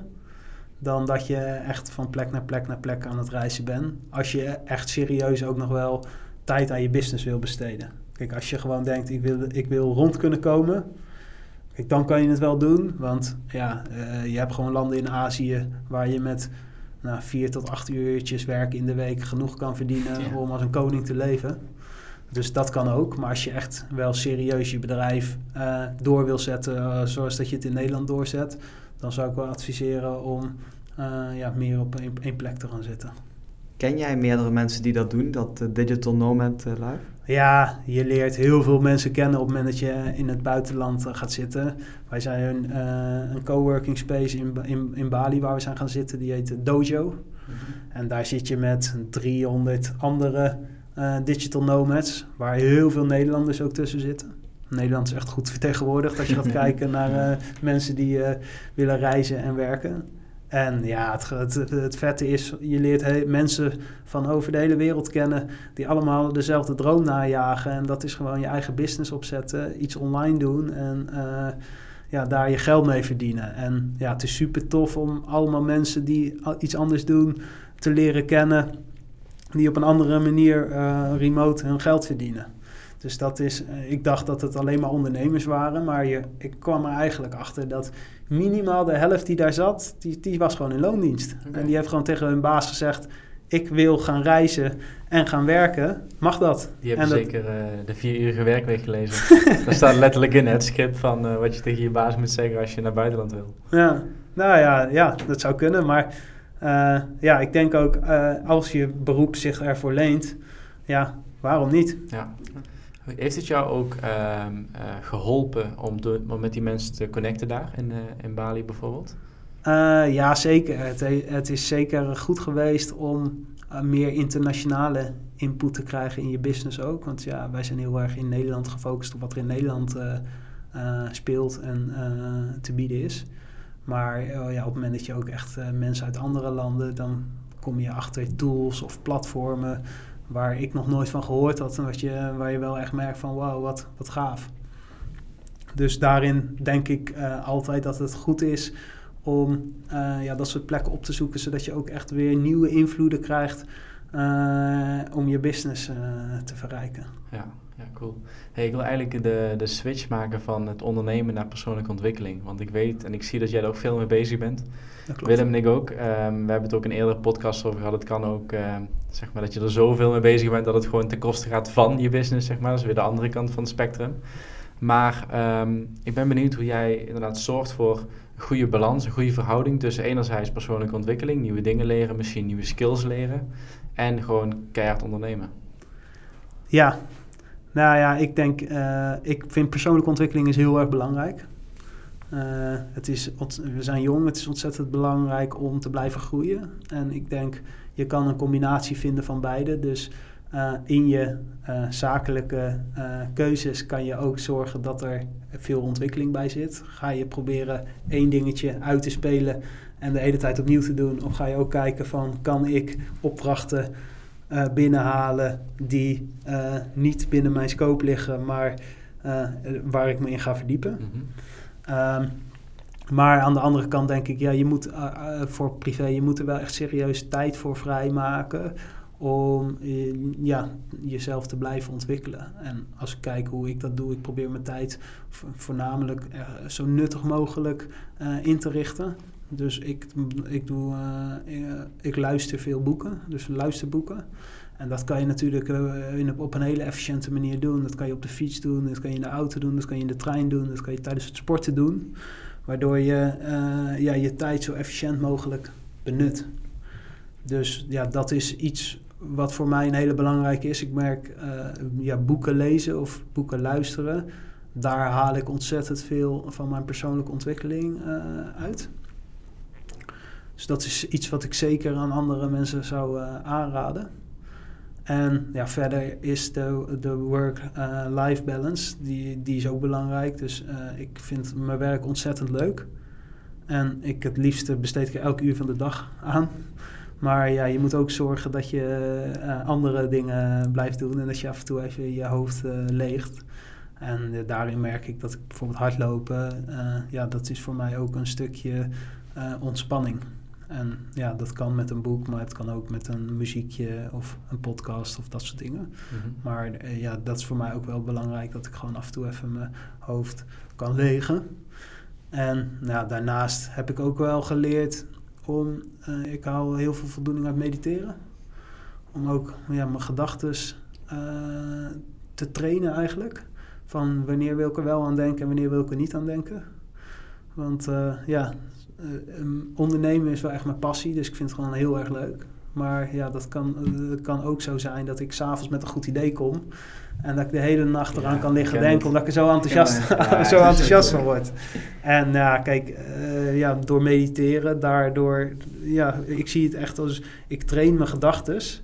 Door, eh, ja, als ik s'avonds met zo'n idee kom, dat ik het noteer, zodat Mhm. ik er dan op een ander moment over eh, ga nadenken. Maar dat ik echt ja, mijn gedachten kan trainen van, oké, nu moet ik gewoon even ontspannen en er niet aan denken, want nu ga ik slapen. Is dat de tip om het los te laten? Eh, wegschrijven eigenlijk en, en gewoon ja, proberen er niet meer over na te denken? Ehm, ja, dat is, dat is wel heel belangrijk, denk ik. Ik denk dat het, wat heel belangrijk is om een systeem te hebben waar je op vertrouwt en waar je op kan bouwen. Dus ehm, waar je blindelings op kan vertrouwen. Dus dat je weet van, oké, ik heb het in mijn systeem gezet, dus ik hoef er niet meer aan te denken. En als ik kijk naar de eerste jaren van het ondernemen, dan liep ik het hele weekend met, in mijn achterhoofd van, ah fuck, ik moet dit Ja. nog doen, ik moet dat nog doen. En dat zorgt voor een hele hoop eh, chaos en stress in je hoofd. Terwijl als je een goed systeem hebt waarvan je denkt, ah, ik moet dit nog doen, bam, en je zet in je systeem, dan denk je er niet meer aan. Wat gebruik je ervoor? Welke tools? Ehm, nou, ik, voor, mijn, eh, eh, voor mijn persoonlijke to-do's gebruik ik Todoist. Mhm. En ja, ik heb dat, die methodiek echt aangeleerd in combinatie met het eh, boek Getting Things Done. Mhm. En daar, ja, die methodiek die heb ik echt toegepast op mijn eh Todoist app. Waarbij ik ja, zorg dat als er iets in mijn hoofd zit wat er nog moet gebeuren, dat ik het direct in mijn in Todoist zet. En nu zakelijk voor echt meer het managen van projecten zijn we wel grotere projectmanagement tools gaan gebruiken. Wij werken veel met Jira. Oh ja. ja. En dan, ja, dat is voor de grotere eh, zakelijke dingen. En ehm, ik heb misschien nog wel een tip voor je. Als je, ken je BrainTos, die app? Nee? Dat is een, eh, nou, een heel simpel appje, ik zal hem daar laten zien. Die open je en dan komt meteen een soort van notitieveld. Eh, en je kunt ook spraakmemo's opnemen. Maar het mooie is, je typt iets in. Bijvoorbeeld, eh, ik moet straks nog de prullenbak, eh, prullenbak legen. En drukt op verzend en dan komt, eh, je kunt een e-mailadres versturen. Dus, hij- dus uit je gedachten, dus uit je hoofd. Maar als je dan straks weer je e-mail opent, eh, dan komt dat als een mailtje binnen. Hm? En voor mij werkt het super chill wat je net zei, van ik wil dingen van me afschrijven. Als ik in de auto zit of ik, eh, ik lig s'avonds in bed en ik heb een idee en ik denk van hier moet ik iets mee of hier moet ik aan denken. Zet ik het in BrainTos, dat is gewoon een appje op mijn telefoon. Druk op verzend, is het uit mijn hoofd, denk er in principe niet meer aan. Als dan de volgende dag kantoor komen en dan kijk ik in mijn e-mail, dan zie ik daar precies dat berichtje staan. En dan weet ik, oh ja, daar moest ik aan denken. Hm? Dus dat is nog wel een hele Oké, eh, echt een tip wat mij enorm heeft geholpen hierin. Hm? Oké, en hoe heet die, zei je? BrainTos, Brain Toss. ja, dus die kun je gewoon in de App Store downloaden. Oké. En eh, ja, werkt super fijn. Je kunt hem naar, zeg maar, naar een e-mailadres naar keuze sturen. Of je kunt, een, ehm, en je kunt dus een notitie achterlaten of een spraakmemo opnemen. En volgens mij in het Engels ehm, vertaalt hij zelfs die spraakmemo naar gewoon tekst. Hm? Dus dat is nog een extra handigheidje. Maar dat, eh, dat is wel echt een, eh, ja, een goede tip die mij heeft geholpen. Ga ik eens naar kijken. Hey Emiel, hoe ziet jouw ideale werkweek of dagindeling eruit?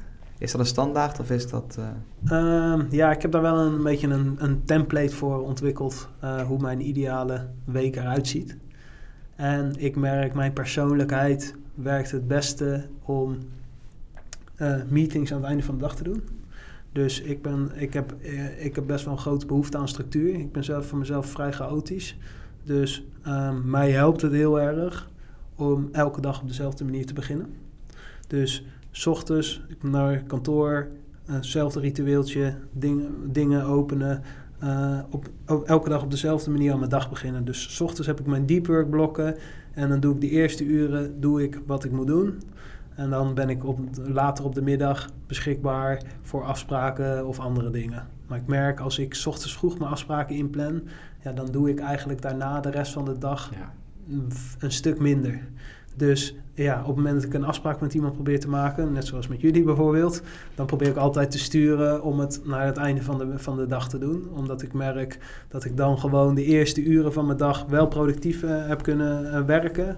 En dat ik aan het eind van de dag uh, ja, mijn communicatie kan doen met anderen. En hoe bepaal je, sorry, hoe bepaal je wat je in die deep work blokken gaat doen? Hoe bepaal je je prioriteiten? Um, nou, we zijn dus uh, in een team bepalen we dat uh, op maandagochtend in de week van ja, wat moet er gebeuren. Dus we hebben maandagochtend daarover een meeting en we hebben op vrijdag altijd om de week te evalueren. En dan bepalen we een aantal uh, hoofdprioriteiten voor de week daarna.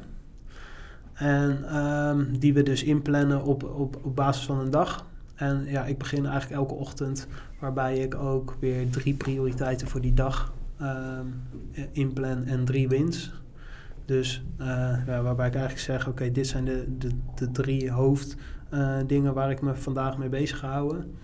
En ja, de wins, dat zijn eigenlijk wat wil ik echt af hebben. Dus wat is uh, ja, daadwerkelijk wat ik aan het eind van de dag gefixt wil hebben. Oké. Okay.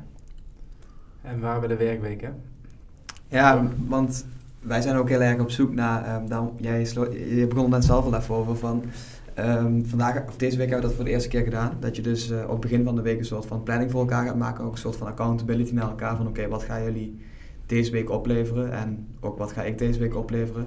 Maar ook even die evaluatie op vrijdag. Dus um, wat heb je allemaal afgekregen en ook dat je dan heel even de tijd neemt om heel even uh, het overzicht uh, te houden en ook weer een nieuwe planning voor de week daarna te maken.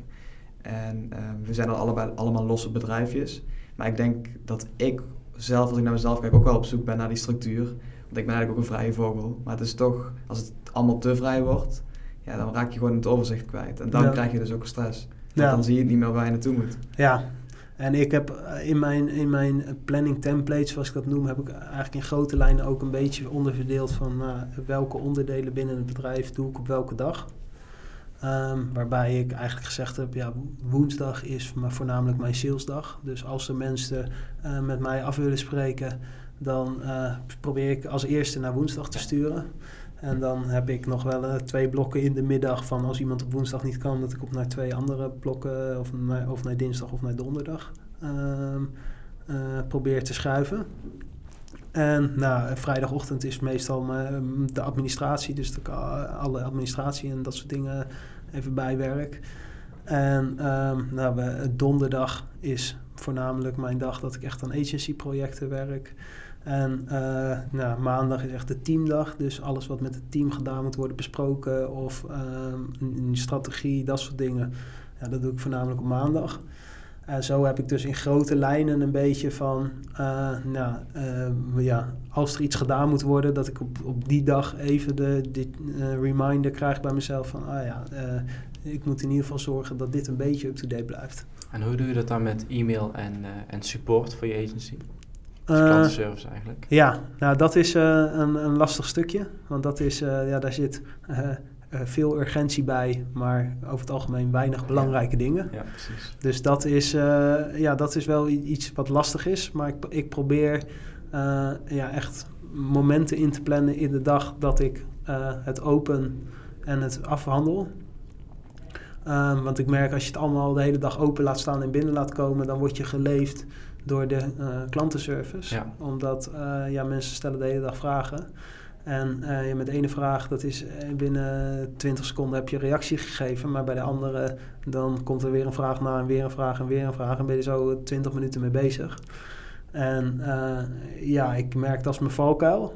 Uh, maar ik, ik moet zorgen dat ik, ik bepaal hoe mijn werkdag eruit ziet. En niet dat ik de, de dag en de omstandigheden be laat bepalen hoe mijn dag gaat verlopen. Ja, heel reactief zou je dan eigenlijk zijn. Ja, dus ik, daarom begin ik elke ochtend met uh, precies inblokken hoe mijn werkdag eruit ziet. Dus van zo laat tot zo laat ga ik dit doen. Mm -hmm. Van zo laat tot zo laat, dan ga ik even mijn mail openen. En behandel ik binnen een kwartier, handel ik even de mail weg. Dan sluit ik die weer en die gaat dan pas om twee uur weer een kwartier open. Maar dat doe je dus wel s morgens vroeg en niet de dag ervoor? Uh, ja, ik doe dat zo okay. s morgens vroeg. Ja. ja, ik, dus ik doe in grote lijnen in de week al wel wat ga ik op welke dag doen. Ja. Maar op de dag zelf Ehm, ja, dan ga ik s, s ochtends vroeg echt inplannen. Oké, van zo laat tot zo laat ga ik daarmee bezig. Dan, tot dan en dan ga ik daarmee bezig. Omdat, ja, ik merk zo op detailniveau... Ja, dat kan ik eigenlijk het beste gewoon alleen maar op de dag zelf doen. Omdat ik dan echt weet wat er die dag speelt en wat er gedaan moet worden. En daarom wil ik ook elke ochtend op dezelfde manier beginnen. Zodat ik gewoon in ieder geval weet dat ik dat soort dingen doe. Terwijl, ja, als ik eerst in een meeting ga en ik ga dan smiddags... dan ja, heeft dat geen zin meer om dan nog in één keer... Uh... Maar neem jij dan s morgens vroeg je telefoon bijvoorbeeld ook niet op als je gebeld wordt? Of dat wel? Um, Die is lastig. Ja, dat, is, uh, ja, dat hangt er vanaf wat ik aan het doen ben en wie er belt. Ja. Maar ja, ik merk wel dat um, ja, om echt efficiënt te kunnen werken, uh, moet je wel proberen zoveel mogelijk uh, er naartoe te werken dat je niet reactief aan het werk bent. Ja, klopt. Ja, dat is, dat is echt waar wij dagelijks tegenaan lopen. En de ene, en de ene week uh, doe het op een bepaalde manier en dan werkt dat niet helemaal. Dan doe het op de andere weer, weer, weer op een andere manier. Dus wij zijn, of tenminste, ik ben ook nog heel erg zoekende naar wat de juiste manier is. Dus ik vind het wel interessant hoe jullie daarmee omgaan. Ik denk, dat, het, denk dat het heel erg te maken heeft met hoe je je dag start. Als je bijvoorbeeld, stel je verslaapt je, dan word je echt al reactief, begin je je dag. Dan is de kans heel groot dat je in die valkuil trapt. Dat je dus de hele dag alleen maar klantenservice aan het doen bent. Alleen maar belletjes aan het doen bent, aan het whatsappen bent. Terwijl als je dus, uh, bij wijze van spreken, om zes uur opstaat en je gaat sporten. En je bent gewoon echt energiek en fit de dag begonnen. Dan kom je echt in die flow dat je gewoon inderdaad je, je deep work kunt doen. Ja. En dat je ook gewoon uh, ja, niet in die valkuil trapt van reactief werk gaan doen. Dat je gewoon, gewoon in ieder geval die ochtend productief bent. Lekker aan het doen bent van wat je ook moet doen en wat je wil doen. Wat goed voor je bedrijf is. Wat belangrijk is. En dat je in de middag, als je er tijd voor, uh, uh, tijd voor hebt, en als je energie wellicht wat lager is, dat je dan die reactieve taken oppakt. En ik merk gewoon heel erg dat uh, hoe je je dag begint, is ook echt hoe je, ja, dat zet gewoon eigenlijk de toon voor de rest van de dag. Ja. Gaat het een super productieve dag worden waarin je echt aan het knallen bent in je onderneming? Of wordt het eigenlijk alleen maar brandjes blussen en uh, wachten, tot, wachten tot de dag voorbij is? Ja, ja precies dat, ja. ja. En heb, jullie, heb jij, um, want ik hoorde jou net voor de uitzending, hoorde jou uh, praten over inderdaad de vrijdagmiddagborrels. En dan zul jij in het weekend ook vast wel, uh, vast wel wel eens bij een feestje zijn. Ja, um, klopt. Hoe vinden jullie, en zeker ook met je broer erbij, hoe vinden jullie die balans? Dus uh, het is natuurlijk hartstikke leuk om in het, in het weekend lekker los te gaan. Alleen, um, zijn er, is er een bepaalde tip om dat op maandag weer op te pakken, zeg maar? Zeg maar dat je dus, ja, hoe zal ik het zeggen? Wij hebben dit heel vaak besproken en we hikken hier tegenaan. En dat gaat niet over dat je per se met een kater op maandag op het werk zit. Maar dat het er meer, uh, dat je je even afsluit van het werk en dat je er dus niet meer in zit. En dat, je, dat het best wel even duurt. En dat kan goed een ochtend zijn, soms duurt het een dag. Voordat je weer helemaal in de flow zit. Ja, nou ja, daar uh, stoei ik zelf ook mee. Want ja. ja. ik merk als ik het hele weekend uh, iets anders doe, dat is aan de ene kant rustgevend, maar ik merk dat het ook goed is om niet te veel verschillende gezelschappen en dat soort dingen te hebben, omdat dan uh, ja, ben ik zo ver van mijn focus af van ja. waar ik mee bezig was. Ja. En ja, ik heb daar ook niet de juiste weg in gevonden altijd, want dat is, ja, ik leef daar een beetje met ups en downs. Op het ene moment denk ik, ja, ik moet echt vol de focus en dat ik veel aan de kant zet uh, om gewoon echt met mijn bedrijf bezig te zijn. Ja. En op het andere moment denk ik, ja, ik ben nu te veel uh, met mijn bedrijf bezig. Ik merk dat ik lichamelijk ook erop aangesproken word door mijn eigen lichaam. Uh, en dat ik dan merk, ja, ik moet ook wel weer meer mijn ontspanning zoeken. Ja. maar ja, ik merk wel dat ik ben, de, ik ben een paar maanden geleden de 30 gepasseerd. Ik merk dat ik ja, meer last heb van katers, langer en dat soort dingen. Dus ja, ik probeer wel wat min, wat, um, uh, ja, wel veel gezelligheid op te zoeken, maar wel minder uh, uh, alcohol te consumeren, om het zo maar te zeggen. Want Ja. ik merk dat dat wel voor mij gewoon echt een boosdoener is in mijn productiviteit. Ja. ja. Ik denk dat we zijn allemaal jong, dus ik denk dat het ook sowieso voor iedereen een issue is of zo. Want je wilt ook, je wil ook niks missen. Ja. En uh, ja, misschien is het een soort van de eeuwige, je bent op zoek naar de eeuwige balans. ja, ja nee, ik denk uh, dat dat is wel belangrijk. Wat ik uh, door de jaren heen ook wel gemerkt heb, is ik heb veel jongens leren kennen die ook ondernemen en dezelfde passie hebben, wat ja, door de jaren heen ook echt vrienden van me geworden zijn. En nou, op zo'n manier kan ik ook wel het nuttige met het aangename combineren. Dat ik de, um, ja, vaak met hun een avondje afspreken en gaan zuipen en dat soort dingen. Maar dat ik wel merk dat we het over dingen hebben, Ja. net zoals nu, eh, dat je het wel over dingen hebt waarvan ik eh, achteraf denk van, eh, ja, ik ben wel een stapje verder gekomen daarmee. Ja, dat vind ik dus dat vind ik echt fantastisch. We hebben het daar volgens mij in onze allereerste podcast over gehad. Van als jij ehm, dus bijvoorbeeld naar het terras gaat met mooi weer en eh, je bent lekker een biertje aan het drinken, maar je hebt het wel gewoon met een aantal, aantal gelijke stemden over je onderneming, over persoonlijke ontwikkeling. Iemand komt met een boek die opeens eh, die nieuw is en die eh, ja, wat echt een aanrader is. Weet je wel, dat je gewoon echt over, ja, ik noem het dan nuttige dingen hebt. Ja. Ja, dat vind ik echt fantastisch. En dat dan gewoon lekker informeel onder het genot van een borreltje. En natuurlijk is er ook ruimte om een beetje te ouwehoeren en, eh, en, en te lachen. Maar ik vind dat ook echt mooi bijvoorbeeld op een verjaardag als het dan over dat soort onderwerpen gaat. Wat je zegt, dan heb je toch het gevoel van, ja, ik heb er toch wat aan gehad of zo. Hey, heb jij nog een leestip voor ons? Een leestip. Of een luistertip, want je Eh, luistert boeken. Ja, nou ja, ik, eh, als ik kijk naar de boeken die een grote impact op mijn eh, leven gehad hebben, dan ehm, ja, denk ik voor mij was Getting Things Done een hele belangrijke, omdat ik van mezelf gewoon een beetje een chaot ben. En dat heeft voor mij, dat boek heeft voor mij wel gezorgd om veel ehm, eh, procesmatiger eh, naar structuur te, en, en dat soort dingen te kijken. Dus dat eh, Getting Things Done vond ik een hele belangrijke. Lean Startups, zoals ik net noemde, voor mensen die bezig zijn met hun bedrijf aan het opstarten of een nieuwe fase ingaan. Ja, dat je echt probeert om te zorgen dat je eh, zo snel mogelijk uit die voorbereidingstijd eh, vandaan gaat, maar zo snel mogelijk gaat valideren en de markt opgaan. Ik denk dat iedereen eh, vooral zijn ego in de weg zit. Dus hoe kijkt de buitenwereld ernaar en mijn bedrijf moet helemaal perfect zijn voordat ik naar, naar buiten ga treden. Eh, dus ik denk dat dat een hele grote valkuil is voor de meeste mensen. En Lean Startup, vind ik, is daar een hele goede handleiding voor hoe je dat eh, zo snel mogelijk kan elimineren. Vond je dat lastig? Want ik denk dat wat je nu beschrijft is een beetje perfectionisme. Mhm. Ook ondernemers eigen bij, bij, ja, bij heel veel ondernemers. Heb je daar ook moeite mee gehad? Of kon het vrij snel loslaten? Eh, nee, ik heb daar in het begin zeker moeite mee gehad. Want ja, je, je maakt een stap, je wordt ondernemer. Dat is voor de meeste mensen wereldvreemd. Want eh, ja, eh, daar, daar wordt op school helemaal niks over verteld. Dus het is, als jij maar gewoon je papiertje haalt, dan kan je een goede baan krijgen. Dus dat is voor mensen normaal. En op het moment dat jij dan gaat zeggen van ik ben ondernemer, dan denken mensen, wat ben jij nou voor iets raars aan het doen? En ja, in het begin had ik daarin wel een soort bewijsdrang dat ja, ik wilde dat het heel erg professioneel uitzag wat ik deed en dat soort dingen. Dus ik had heel erg het gevoel dat ik me moest bewijzen naar de buitenwereld. Waardoor ik in het begin veel te veel met mijn ego bezig was en in de voorbereidingstijd zat. Terwijl, ja, inmiddels heb ik zoiets van, het interesseert me geen reet meer wat de buitenwereld doet. Ik doe elke dag wat ik leuk vind. En eh, of mensen me een kneus vinden of ze vinden het super tof, het maakt mij niet uit. Ik eh, leef mijn passie elke dag. Ehm, dus da- daarin heb ik mijn ego volledig aan de kant gezet en eh, ben ik gewoon echt iets gaan doen wat ik wil doen.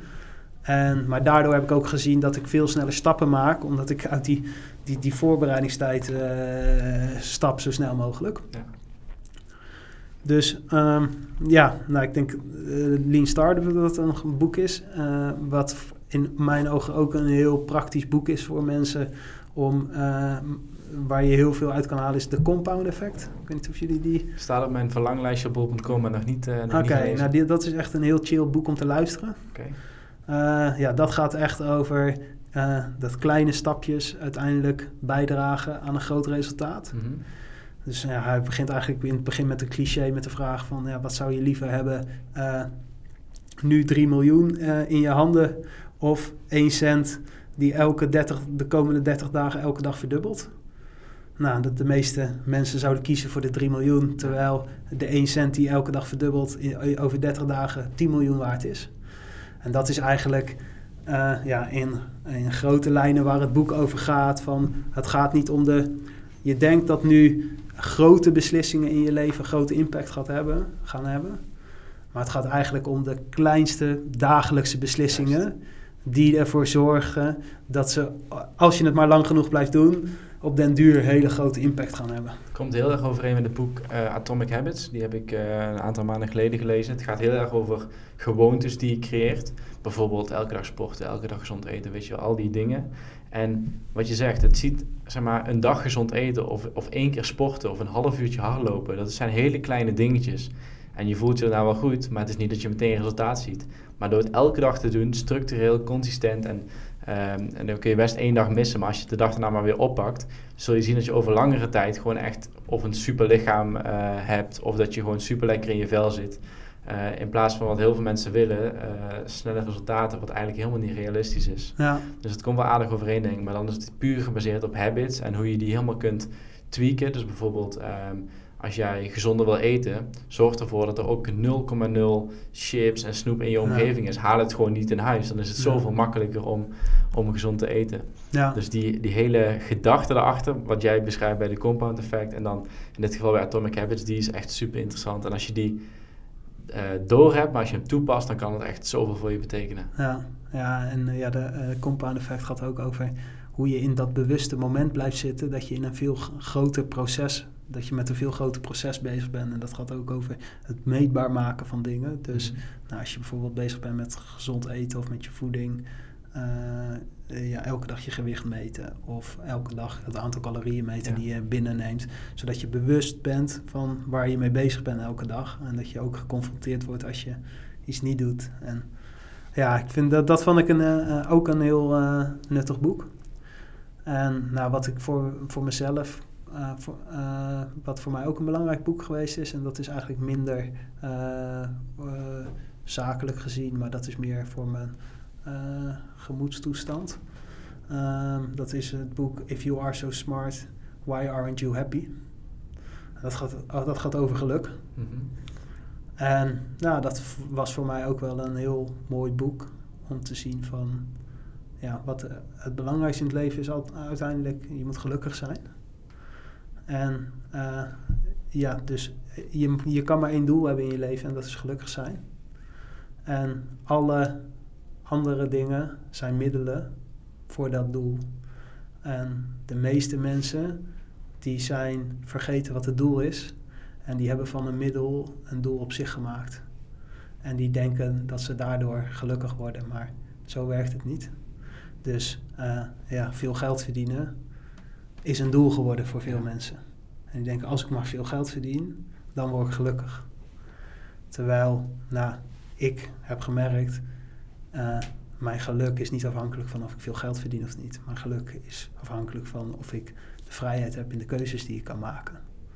En waar ook gezondheid een belangrijk onderdeel van is. Maar ook uh, ja, trots zijn op hetgene wat je doet.